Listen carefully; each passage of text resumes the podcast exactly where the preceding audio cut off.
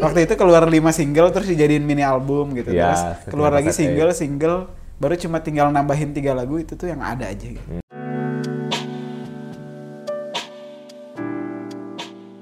Baiklah semuanya, kita kembali lagi di The Felix Martua Series dan di sini gue sudah bersama dengan salah satu band musik terbaik yang sedang merajai tanggal lagu saat ini, Juicy Lucy. Apa kabarnya? Iya. Intronya serem banget ya. Intronya bikin pressure banget ya. Oke, sekarang mengikuti tata krama orang Indonesia. Bila boleh, gue pengen masing-masing dari kalian memperkenalkan diri, nama dan juga posisi di band.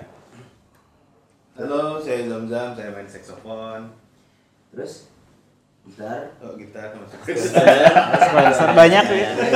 Ya. Kalau saya Wan di vokal. Halo, saya Bina di bass. Saya Dennis di gitar. saya Dwi di drum. Oke. Pertanyaan pertama gua kasih ke sang vokalis dulu lah ya, ke Wan. Sejauh ini bagaimana? What do you feel right now? Uh, sometimes like living in the dream, sometimes ya little bit tired gitu ya, Hmm. naik turun lah. Dan belakangan ini kan Juicy Lucy udah dapat banyak banget tawaran buat manggung off air. Sejauh ini apakah rasanya kayak dream come true atau kalian udah mulai kecapean, udah pengen cepet-cepet libur? Uh, ini sebenarnya lagi di kecapean ya ini. ya. kecapean, pusing dengerin sound tapi ya gimana lagi lah. Hmm. Tapi di beberapa waktu kayak kemarin di Bali itu seru ya. Ya tuh. Hmm. Kalau misalnya lo harus memilih nih dari semua panggung yang udah kalian jajaki sepanjang tahun 2022 ini, panggung mana yang bikin kalian terkesan? Festival. Di beberapa Bali. festival Coba. sih Bogor. Mungkin Bina? sih. Balik sini. Bali. Kenapa? Setelah kita ada Noah, jadi kita pembuka Noah. Oh. Ya, agak itu lumayan. ya, ya. Bisa, bisa lihat Ariel di backstage tapi Abis itu Lumayan. biasanya eh, kalau festival gitu kita langsung pulang. Mm-mm. Abis itu kita sampai malam sampai Nonton habis slang ya? Nonton slang. Hmm. Sampai akhir banget festival baru kita pulang. Hmm. Dan gue ingat eh, terakhir kali gue ketemu kalian adalah waktu kalian ikut menjadi bagian dari line up Festival Musik Suaraya di Kebun Raya Bogor bulan Juni yang lalu. Dan yang bikin set kalian mengesankan adalah basically semua couple ngumpul di sana. Padahal lagu kalian lagu-lagu sedih semua, ya kan? It's not exactly Valentine's Day songs, tapi di barisan belakang terutama ya banyaklah romantic moments dan ya lots of love language ter- terucap di barisan belakang sana. Kalian nyangka nggak ternyata eh, lagu kalian malah appealing buat momen-momen romantis seperti itu? Kalian memahami ironisnya nggak? Ironis ya. Ironis Ya kan? sih ya. Eh, kita kan kebiasaan kalau lihat geng-geng cewek yang lagi sedih di depan gitu. Iya. biasanya di baris depan mereka kalau nggak geng-geng cowok yang berlima berempat nyanyi sambil teriak sambil gimana itu kayak itu udah apa ya pemandangan yang cukup biasa gitu buat kita ya cuma pas kemarin couples ini juga sampai sekarang juga gimana itu nggak ngerti yang di Suraya itu Pegangan tangan terus. Ah, pegangan, itu sih. terus sama ada best friend beberapa best friend momen itu yang bikin merinding juga sih Hmm.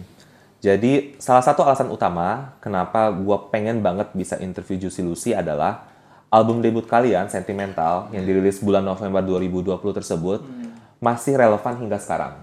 Ya, di sini kalau gue boleh ngomong belak-belakan, untuk album musik Indonesia biasanya ada tanda kutip usia. Ya, lewat dari satu tahun setelah rilis biasanya pesonanya sudah memudar. Ya, dan terutama fans musisi tersebut mulai demand album kedua dong. Iya. Gue udah bosan dengan album pertama. Tapi gue perhatiin performa album ini di semua streaming platform dan juga performanya di radio dan gue juga perhatikan respon penggemar musik, utamanya penggemar kalian. Sampai sekarang, dua tahun kemudian, mereka belum bosen dengan album sentimental ini. Iya. Dan kembali lagi, zaman sekarang kan attention span orang-orang kan makin pendek ya. Orang gampang banget bosen. Tapi entah kenapa album yang consistently galau dari track pertama hingga track terakhir ini masih belum membosankan, ya kan? Sini gua kasih ke Dwi deh. Eh, kebayang nggak album ini bisa mencapai titik seperti ini, bisa menuai reputasi seperti ini? Kalau kebayang sih pasti enggak. Mm-mm. terus kalau misal umurnya bisa panjang gitu banyak yang dengerin juga nggak kebayang sih Hmm. nggak tahu juga ini bisa kayak gini kenapa benar-benar Apalagi Ya. sekarang trafficnya Iya kan? banget. Iya. Iya. Makanya- Setiap hari Jumat selalu ada album baru, selalu ada Iya. karya baru. Itu sih soalnya mau jawab kayaknya kita dulu mulai dimulai pertama boom itu lagu tanpa tergesa itu Iya. kayaknya kita udah ada di titik nothing tulus ya Iya, iya. apa pun jadi kayak oh ini sejalannya aja dan ternyata ada beberapa lagu yang surprising ada beberapa lagu yang terlalu ekspektasi kita terlalu tinggi gitu jadi Hmm. kayak ya kita so far menikmati aja ya dan Betul. kebanyakan gak nyangka sih ya Hmm. Hmm. sama apa yang terjadi Sekarang gue pengen dengar dari Zam Zam, ya kan? Hadir, ya. Eh, kalian kan bukan musisi pendatang baru, ya kan? Kalian udah 10 tahun berkiprah di industri musik ini, tapi kalian baru dapat momen lightning bolt-nya di tahun 2020 itu. Ya, ketika kalian menyaksikan dengan mata kalian sendiri kesuksesan album sentimental ini, apakah kalian merasa oh finally, ya kan? Our time has come. Atau mungkin sampai sekarang kalian belum bisa memahami gitu popularitas kalian ini. Lebih ke belum sih. Eh, kok Belum. bisa ya malah gitu bisa ya gitu kayak gitu. Kalian masih bertanya-tanya sampai sekarang. Ini ya. Gitu ada gitu ya. Oh gitu. antara oh gini ya dan kok bisa ya Nah, gitu.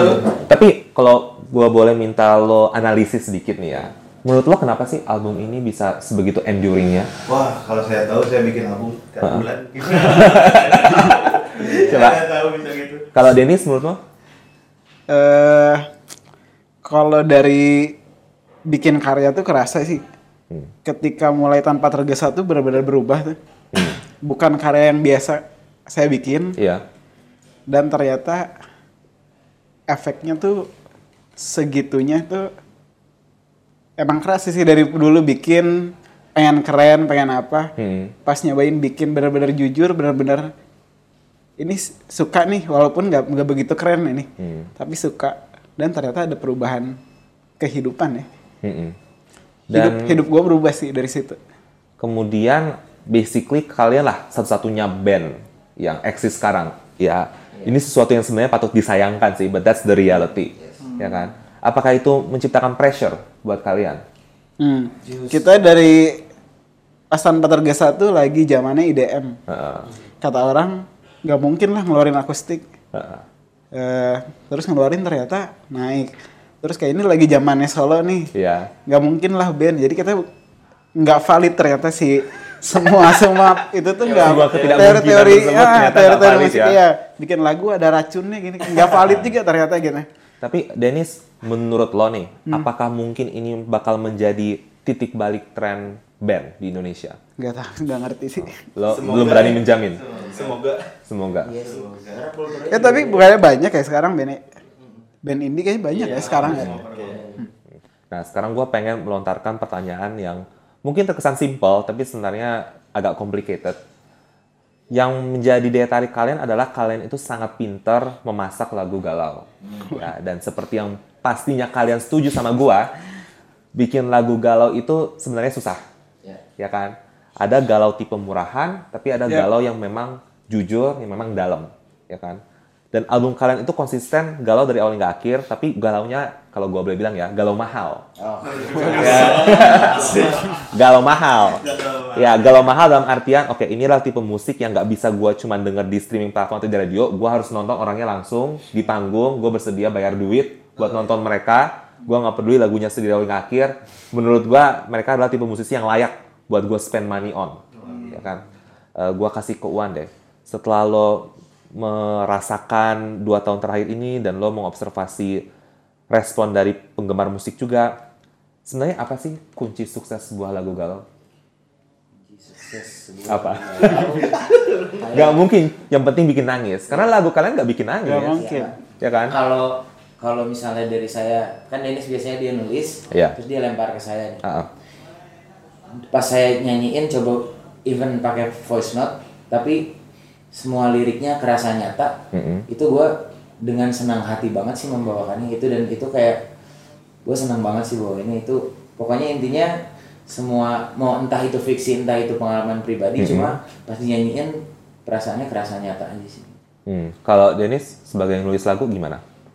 Kalau dari nulis sih, kalau tema-tema sedih itu kan banyak ya. Iya. Cuma ada satu momen kayak ini batasnya harus dilewatin nih.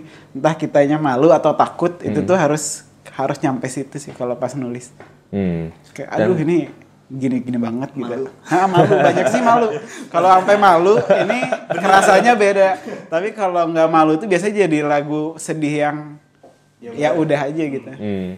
Kalian kan sekarang udah mulai di lobby sama artis-artis muda, ya kan, buat bantu garapin lagu. Ya, it's not a secret anymore lah. Uh, tapi dari pengalaman kalian sejauh ini, apakah justru lebih sulit untuk bekerja bareng artis yang bukan bagian dari band, atau malah lebih mudah? gampang-gampang aja sih Sama-sama aja sih. Sama-sama aja. Sama-sama. soalnya kita juga kayak kemarin Ziva tiba-tiba ketemu kenalan ngobrol Hmm. Ziva mau nggak eh, bawain lagu kita oh boleh kak ya udah minta nomor telepon gue kirim eh, voice note gue sama gitar doang sama Dennis Hmm. dia tertarik ya udah pas langsung mereka workshop aja Hmm. se semudah itu sih ya Nah, untung lo sebutin mengenai Ziva ya. Soalnya kayak pertama gue suka lagu terbaru kalian Tampar. Ya. Dan menurut gua lagu itu bener-bener menunjukkan ciri khas kalian. Kalian pakai diksi yang yang gimana ya bilangnya ya? Nggak lebay, but at the same time gut wrenching gitu. Tampar, ya kan? Tampar. Dan formula itu juga kalian berlakukan buat lagu Ziva yang munafik. Ya. Waktu gua pertama kali denger lagunya dan baca liriknya, awalnya gua agak kaget kan. Wah, yakin nih cewek usia ih iya iya. Gini, sama sama ya sama. bersedia bersedia nyanyi lagu yang ada kata munafik di dalamnya, ya kan? Dan di, di industri kita kan ada rule of thumb ya, terutama buat artis-artis major label.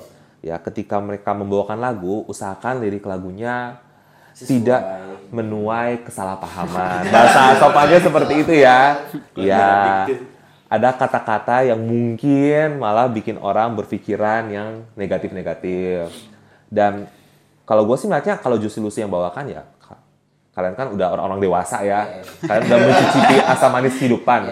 Jadi kalau ny- nyanyi lagu yang isinya mengenai basically lo minta cewek nampar lo, ya kan? Oke. Ya, I can relate gitu. Ya kan? Kalau lo pernah mengalami hal seperti itu ya I can believe it. Tapi buat artis-artis yang masih belasan usia, Ya, gua gua merasakan itu di dua lagu itu Tampar Munafik gua merasakan Uh-huh. sih. Di lagu Tampar ada lirik di bangke nih memang. ya. Berdosakah aku berdoa, minta kau terluka. Gue agak takut sih itu bawainnya ya. Iya itu kan gimana ya? Gue berusaha mencari kata yang sopan ya untuk menjelaskan ini. Kalau lo cuma baca liriknya doang tanpa dengar melodi dan lain sebagainya, Provokatif sih itu kan. itu surat ancaman cuy. Iya. Iya kan? Iya kan? Iya. Iya. Itu kayak surat ancaman zaman SMA gitu kan. Yang kurang tinggal gue tunggu lo jam 3 gitu di belakang gedung sekolah. Benar. Heeh. Jadi how do you guys pull that off? Ya itu tuh yang ranah-ranah yang tadi dibilangin ini kelewat nih gitu. Tapi harus gitu. Hmm. Masalah karya sih buat gue sih harus. Kayak udah di jurang mau ke mana nih gitu. udah masuk. Loncat atau mau berhenti di situ. Tapi kalau kita kembali lagi ke contoh lagu Munafik, eh, menurut kalian Ziva berhasil nggak membawakan lagu itu? Iya sih berhasil banget. Kacau sih dia nyanyi voice pakai voice note-nya doang aja udah jadi. Kayak ini Udah bisa jadi. dirilis nih kalau sebenarnya. gue aja sampai ngambek waktu itu kan Heeh. ngasihin gue gue Fase sama Dennis sudah dikasih Iya, iya. Ziva, Ziva coba rekam pas ngedenger Ziva masa itu pakai voice note bagus gitu oh iya nggak tahu kak tahu kan Simbada sama Marcel nah Iya. waduh Nah, ini pertanyaannya agak frontal ya. Yap. Mungkin Dennis bisa bantu jawab juga. Sebenarnya kan bisa aja nih lagu Munafik itu jadinya buat kalian. Ya kan? Eh, kenapa kalian kasih ke Ziva? Nah, itu sebenarnya kita cukup eh gua kan milih lagu berdua sama ANR. Eh, Ya mungkin kita cukup picky buat si Juicy Lucy. Hmm. Ini nggak boleh salah nih, ini nggak boleh terlalu reguler gitu lagunya. Hmm. Harus cukup spesifik buat Juicy Lucy. Hmm. Jadi lagu-lagu yang nggak begitu spesifik tuh biasanya kita simpan buat orang kalau minta kita kasih. hmm. Nah, pertanyaan gua justru kelanjutan dari ucapan lo barusan. Kalau lo diminta menjelaskan sebenarnya DNA Juicy Lucy itu apa sih? Apa yang membuat sebuah lagu itu menjadi milik Juicy Lucy? Eh lirik sih ya. lirik. lirik sama tema-tema yang nggak begitu umum tuh bisa kita bawain. Hmm. Kalau temanya terlalu umum biasa kita simpan buat orang. For example kayak lantas sudut pandang orang ketiga yang kita Iya. naikin gitu ya gitu-gitu kayak tampar ya pokoknya angle-angle yang malu orang uh, ungkapin Hmm. kita Sama yang terlalu personal tuh bisa kita cocok di Juicy Lucy gitu. Hmm. Gimana caranya kalian make sure lagu nggak terlalu personal? Karena kayak lagu Mawar Jingga yang nggak salah ya, ya mulai bermunculan kan berbagai macam teori. Sebenarnya lagu ini mengenai siapa yang ditujukan untuk siapa. Kita nggak usah sebutkan nama lah ya. Iya, Iya. tapi how do you guys make sure gitu tetap apa lagu ini personal tapi nggak provokatif lah nggak ngumbar aib orang gitu Bisa sih. coba Dwi gimana lo pernah nggak kayak ngasih peringatan eh guys kayaknya ini terlalu frontal deh kayak Eh, Enggak lah, enggak pernah. nggak nggak udah go with the flow aja Malah kalau kurang frontal, kita ini kayak kurang Iya frontal nih gitu. oh gitu ya malah ah, kurang nih. Ya, eh, Malah gitu sih. kurang Hmm. kurang nampak. Kurang jurang. Oke, eh, yang membuat album sentimental ini juga mengesankan adalah album ini dirilis ketika pandemi lagi parah-parahnya, ya kan? Ya. Iya sih, ada YouTube, ada media sosial, medium-medium yang bisa seorang musisi gunakan untuk mempromosikan lagu. Tapi pada akhirnya kan tidak ada yang bisa menjamin. Pandemi itu kan a totally unprecedented moment kan, ya kan? Gak ada yang punya rule book gitu mengenai how do we do things during pandemic. Tapi album ini terbukti malah meledak di kala pandemik, ya kan? Nah, dan sekarang pandemik udah mulai mereda. Ah, amin. Coba gua kasih ke Zamzam deh. Lo mulai merasakan pressure untuk menciptakan karya follow up yang sama meledaknya nggak? Dengan sentimental. ya pasti sih Tolong dulu tuh. pasti sih ya jadi kita kayak kemarin tampar padahal sekarang eh, responnya bagus ya Bagus banget. Iya. Ya, cuma kita kan ngebandinginnya sama lantas sama Jadi banget sih jadi Jadi nggak bersih. Iya. jadi oh, aduh ya allah gimana sih ini gitu. gitu. Eh, jadinya kurang bersyukur gitu loh Hmm. Padahal lumayan itu. padahal itu udah bagus bagus banget. Kan lumayan bagus. udah bagus udah 6 juta kan Iya, sekarang sekarang. Mm-mm. Ya, kita ngebandinginnya sama lantas kita emang harus get over lah gitu sebenarnya Terus sialan nih si tanpa tergesa sama lantas tuh nggak benar-benar bukan yang kita ini nih gitu lagunya Lupa yang bakal booming. kan? Heeh. Malah booming pas lagi promo lagu lain. Lalu satu lagi juga yang gue notice adalah ya zaman dulu kan kalau orang bikin album oke lah kita bikin tiga lagu yang potential single, potential crowd pleaser, sisanya filler, ya kan? Yang penting qualify sebagai album. Zaman dulu kan kayak gitu. Iya, iya, iya. Tapi sentimental ini kalau gua boleh ngomong sefrontal mungkin, setiap tracknya berpotensi jadi single. Iya, dan bahkan gue juga kenal beberapa orang yang tahu lagu yang memang sebenarnya nggak single kalian gitu, tapi dia tahu dan dia suka. Ketika kalian menggarap album ini, apakah itu juga jadi mindset kalian? Guys, mending kita jangan bikin filler, kita harus seriuskan untuk setiap track di dalam album, atau gimana? Karena kita berangkat dari single dulu, single dulu, Ya, single dulu, single dulu. Mungkin itu yang bikin semua kedengaran single ya. Hmm. Karena kita itu lagu single semua emang. Waktu itu keluar 5 single terus dijadiin mini album gitu. Ya, terus keluar lagi kaset single, single baru cuma tinggal nambahin tiga lagu itu tuh yang ada aja gitu. Hmm. yang Coba. ada itu tuh lantas Nah, lantas tuh lantas tuh buat orang tadinya. Oh gitu. Tapi- tapi katanya kemudahan buat gua eh Patricia Jody enggak kan aku pengen Pengen nge-beat. melo. eh pengen eh enggak pengen melo Oh, iya, iya. kayak Jemari kan Heeh. Ih sayang amat. Iya. Jadi kita masukin album Eh, Hmm. luar biasa lah. Coba. luar Mina, biasa. eh, waktu AMI Awards tahun lalu, lagu Lantas nggak dapat nominasi AMI Awards. Bagaimana perasaan lu? Gila soalnya ada Noah ya. Gimana lagi? Malah masuk bareng nominasi aja udah rasanya udah menang ya dari di nominasi yang Ariel aja nggak datang kita yang pakai stylist semua. Soalnya ini juga sih kesan yang gua dapet ya. Oke, Juicy Lucy itu band. Tapi ketika orang Indonesia eh, mendengar kata band, yang langsung terngiang di kepala mereka adalah band-band kayak Dewa 19, kayak Jikusi, The Massive, Noah, which is band-band yang genrenya bukan easy listening akustik pop. Yap. Ya. Kan? kesimpulannya ya kalian tanda kutip binatang baru lah di industri musik. Ya kan? Biasanya kan ciwi-ciwi atau cowok muda ganteng yang membawa genre ini tapi ini band gitu kan. Eh, kalian merasa seperti itu nggak sampai sekarang? Aduh kok kita kayak kok kita kayak gak ada temennya ya di sini ya? Kok kayaknya kita kayak jerawat di pipi gitu ya rasanya Justru mungkin itu ya ada ada plus minus ya kayak head to headnya kita nggak nggak nggak perlu khawatir soal itu kan. iya Ah, terus tapi ya minusnya kita kurang diakui ya sebenarnya. dan biasanya kalau kalian mau bertukar pikiran sama musisi lain atau band lain siapa Kalau gue sekarang yang eh, paling siapa Okin ya sekarang. Okin. dekat. Ah, terus siapa lagi ya? Kita nggak terlalu bergaul juga sih. oh gitu Ah, Kayak ini udah pada.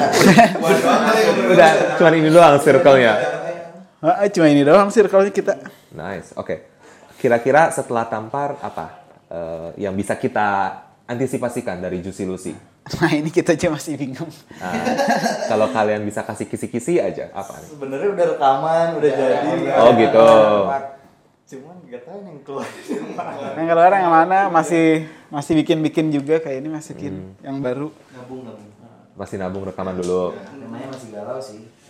Dan apa resolusi di tahun ini atau target tahun ini yang masih belum kalian capai dan kalian ingin capai? kalian kan udah touring nih sejauh ini, udah ke Bali, udah keren banget kan? Apalagi yang pengen kalian coba capai? Konser sih ya. Iya. Konser solo, Offline. offline Juicy Lucy only ya. Hmm. Terus ya dapat award lagi terus pengen album kedua sih. album kedua. Pertanyaan yang satu ini agak lebih serius. Menurut kalian bagaimana lanskap musik Indonesia sekarang?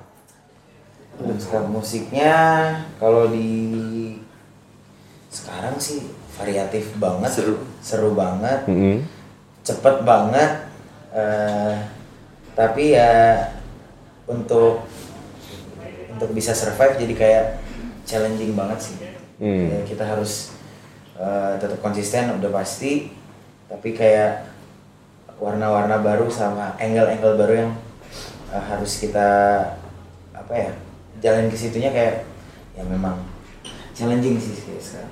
Gua ngobrol sama beberapa artis kekinian, tanda kutip kekinian, dan mereka semua basically nge-share ke gua sentimen yang sama. Mereka itu takut untuk take a break. Iya, mereka selalu punya harapan kalau gua bisa rilis lagu sebulan sekali, gua mau deh. Iya, karena mereka takut mereka ambil break tiga bulan aja, mereka langsung kehilangan fans, kehilangan relevansi. Iya, dan sayangnya artis-artis kekinian ini kan basically tanda kutip bertanding di ranah musik yang sama. Jadi kalau lo menghilang, ada penggantinya. Langsung. Ya.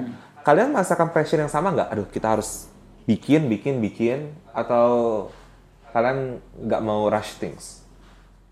Kita nggak mau trying too hard aja sih gitu Hmm. Kalau kayak tiap bulan tapi kitanya ngerasa terpaksa atau gimana sih mendingan sih ya Hmm. mendingan sabar aja sih tapi so far Dennis nulisnya sekarang lagi Produktif. banget sih lagi produktif Lagi produktif banget ya? Iya, iya.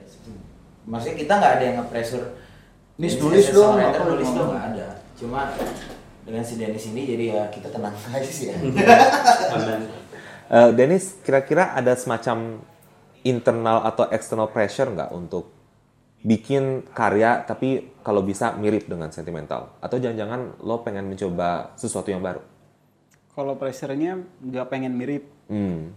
cuma kejadiannya selalu jadi mirip. Kok masih mirip ya Oh, masih gitu. mirip. Masalah tema sih kayak, aduh nih bosan banget nih ngebahas sakit hati ditinggalin tuh. apa orang bosan gak sih masih di situ sih ininya Oh gitu. pergulatannya. Tapi kan to be fair, memang tema seperti itu nggak ada matinya kan.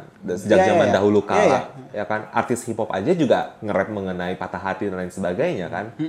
Eh, gimana kalian make sure bahwa oke temanya mungkin itu itu aja, but we make it fresh gitu. Nah itu yang susah di situ sih. Oh. Kayak sudut pandangnya harus seger nih gitu. Kayak tampar kan masalahnya sama-sama aja, tapi Iya, ada ada lirik tamparnya. Iya, tapi memang sudut pandangnya beda sih bila dibandingkan Ah, ah, dengan ah. lagu-lagu sekarang ya. Iya iya. Hmm. Dennis sendiri siapa songwriter yang jadi panutan? Jadi panutan Hmm. kalau Eros sudah pasti Iya, ya, Mas pastilah. Yofi. Cara nulisnya Guru Soekarno Putra juga Oh. itu kok bisa semodern itu di zaman itu dan hari ini masih modern nih liriknya gitu. Aduh, contohnya mulia banget. Aduh, gue gak nyangka. Oke, Guru Tapi itu Putra kacau ya. sih. ha. Hmm. Oh, baiklah, eh, kira-kira apa yang bakal direncanakan kalian ke depannya? Ya, kita lagi bingung rilis single sih. Masih ini single. Dan sejauh ini label suportif kah atau udah mulai gimana? udah mulai gimana? Nanti Udah, udah mulai gimana? info nih, info nih. Heeh. Sejauh ini kita nggak ada masalah ya sama label kita gitu masih berjalan baik-baik aja, baik-baik banget. Baik-baik banget. Nyaman. Eh, nyaman aja sih kita. Mm-mm. Eh, paling apa ya? Nggak ada sih ya kalau sama label aman. Aman. Aman. Aman. Baiklah, eh, semuanya terima kasih banyak Terima kasih sudah banyak. menyempatkan waktu Siap. buat interview bareng gua dan gua harap kalian segera bikin karya lagi. Amin. Itu harapan Amin, egois amin. gua sih. Ya, tapi ya pada akhirnya make sure lah karyanya bagus ya. Nggak usah buru-buru. Ya. Ya, kali ini gua pede buat bilang ke artis nggak usah buru-buru. Kenapa? Karena literally semua orang masih enjoy denger album Sentimental. Amin, amin. Ya, gua rasa kalian tipe artis yang kalau kalian mau take a break sebentar, aman kok. Tenang kok, aman. Semoga Ya, semoga orang nggak akan lupa kok. Iya. semoga semoga. Ya, jadi ya kembali lagi lah gue benar-benar memuji album Sentimental tersebut. Ya, apa pun itu resep rahasia kalian, eh, peganglah terus resep rahasia tersebut dan jangan bagi-bagi ke yang lain ya. Oke, eh, semuanya album Sentimental dan lagu terbaru Juicy Lucy yang bertajuk Tampar bisa didengar di semua streaming platform favorit kalian. Video klipnya juga bisa ditonton di YouTube. All the best for you guys and I'll see you next time. Oke?